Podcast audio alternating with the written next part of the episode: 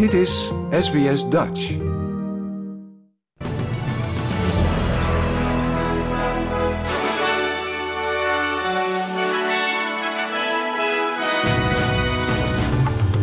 Dit zijn de headlines van het SBS Dutch Nieuwsbulletin van zaterdag 26 november. Victorianen na de stembus voor nieuwe staatsregering. Verdachte voor moord op vrouw in Queensland gearresteerd in New Delhi. En Engeland en Verenigde Staten spelen gelijk op WK.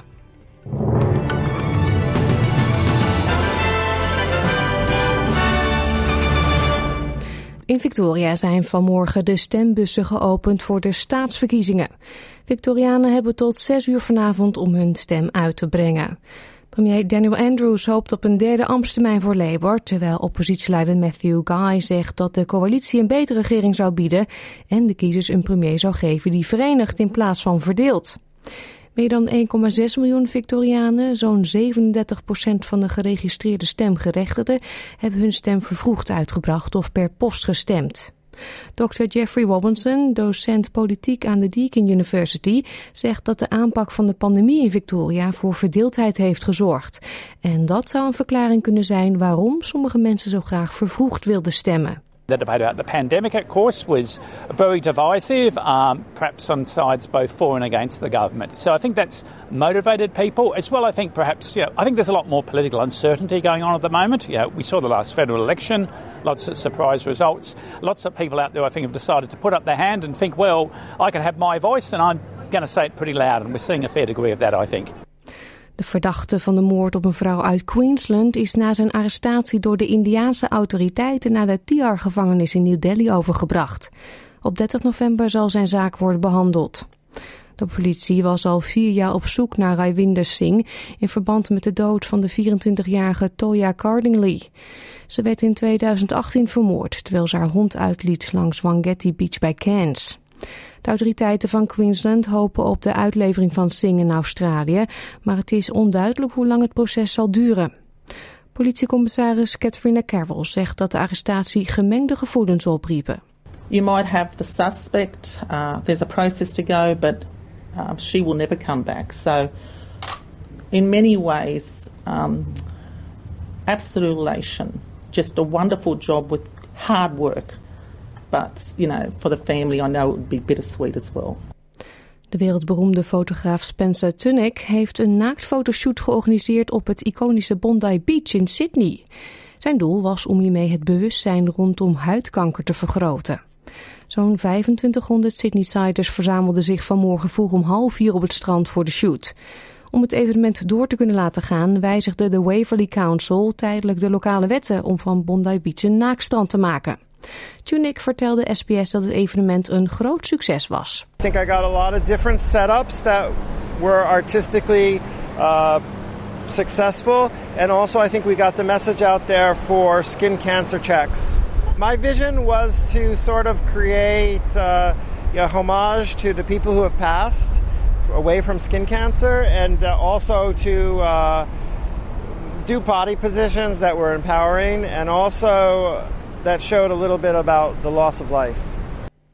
De Spoorwegunie en de regering van de New South Wales hebben een overeenkomst getekend.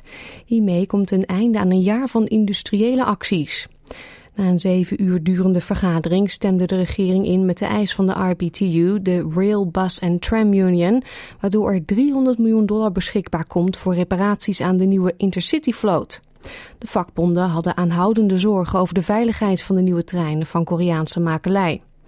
Met overeenkomst zijn de voor volgende week aangekondigde vakbondsacties van de baan. Door conflict ontheemd geraakte burgers in Oost-Congo wachten af of er een staakt het vuren van kracht wordt, waardoor ze naar huis kunnen terugkeren. Vanwege de gevechten tussen de M23-rebellen en het Congolese leger werden in de afgelopen weken duizenden mensen gedwongen om hun huizen te ontvluchten en hun land te verlaten. Onder meer de president van Congo en de minister van Buitenlandse Zaken van Rwanda riepen eerder deze week tijdens een top in Angola op tot het staakt het vuren en terugtrekking van de rebellen uit de grote steden. De ontheemde Nasambima Ashiwi verblijft nu in een speciaal kamp en verlangt ernaar om terug naar huis te keren.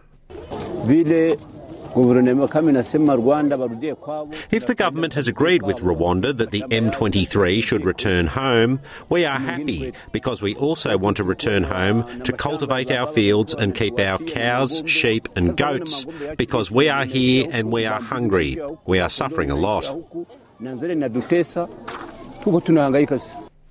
Sportnieuws dan. Op het WK voetbal heeft Engeland gelijk gespeeld tegen de Verenigde Staten. Het bleef 0-0. De aanvoerder van Engeland, Harry Kane, zegt dat hoewel zijn ploeg niet fantastisch speelde, de verwachtingen bij sommige mensen misschien te hoog gespannen waren na de ruime overwinning op Iran. Uh, we know we can play better than that for sure. Uh, but look, it's a draw in a World Cup. No, no games easy in the World Cup. I think, you know, after our first performance, people thought we was just gonna, uh, yeah, landslide every team we play. But it's not the case. You know, we're playing against a really organised team with some quality players, and we have to respect that. Engeland staat nog steeds bovenaan in groep B en bevindt zich in een goede positie om zich te kwalificeren voor de volgende ronde. Tweede staat Iran. Het land won de andere groepswedstrijd met 2-0 van Wales. In groep A speelden Nederland en Ecuador met 1-1 gelijk. Hierdoor maken beide teams nog een kans om zich te kwalificeren voor de knock-outfase. Gastland Qatar verloor met 3-1 van Senegal en is het eerste land dat niet doorgaat in het toernooi.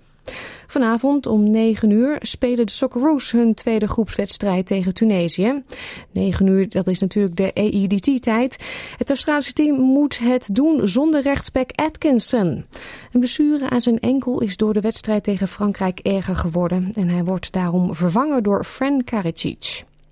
Australië zal op zijn minst gelijk moeten spelen tegen Tunesië om zich te, om zich te houden op de volgende ronde.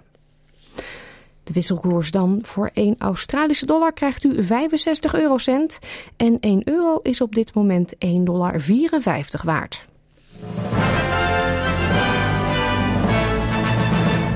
Kijken we nog even naar de weersverwachting voor vandaag. In Perth kans op onweer en het wordt daar 31 graden. In Adelaide kan een buitje vallen, 27. Melbourne later op de dag ook buien, ook 27 graden daar. In Hobart kan het later op de dag gaan regenen, 21 graden. Canberra gedeeltelijk bewolkt, 25. Wollongong een paar buien, 22. In Sydney is het overwegend zonnig en wordt het 21 graden. Newcastle gedeeltelijk bewolkt, 24. Het is zonnig in Brisbane, 33. Cairns een paar buien, 32. En ook in Darwin enkele buien, mogelijk met onweer en het wordt daar 33 graden. Dit was het SBS Dutch Nieuws.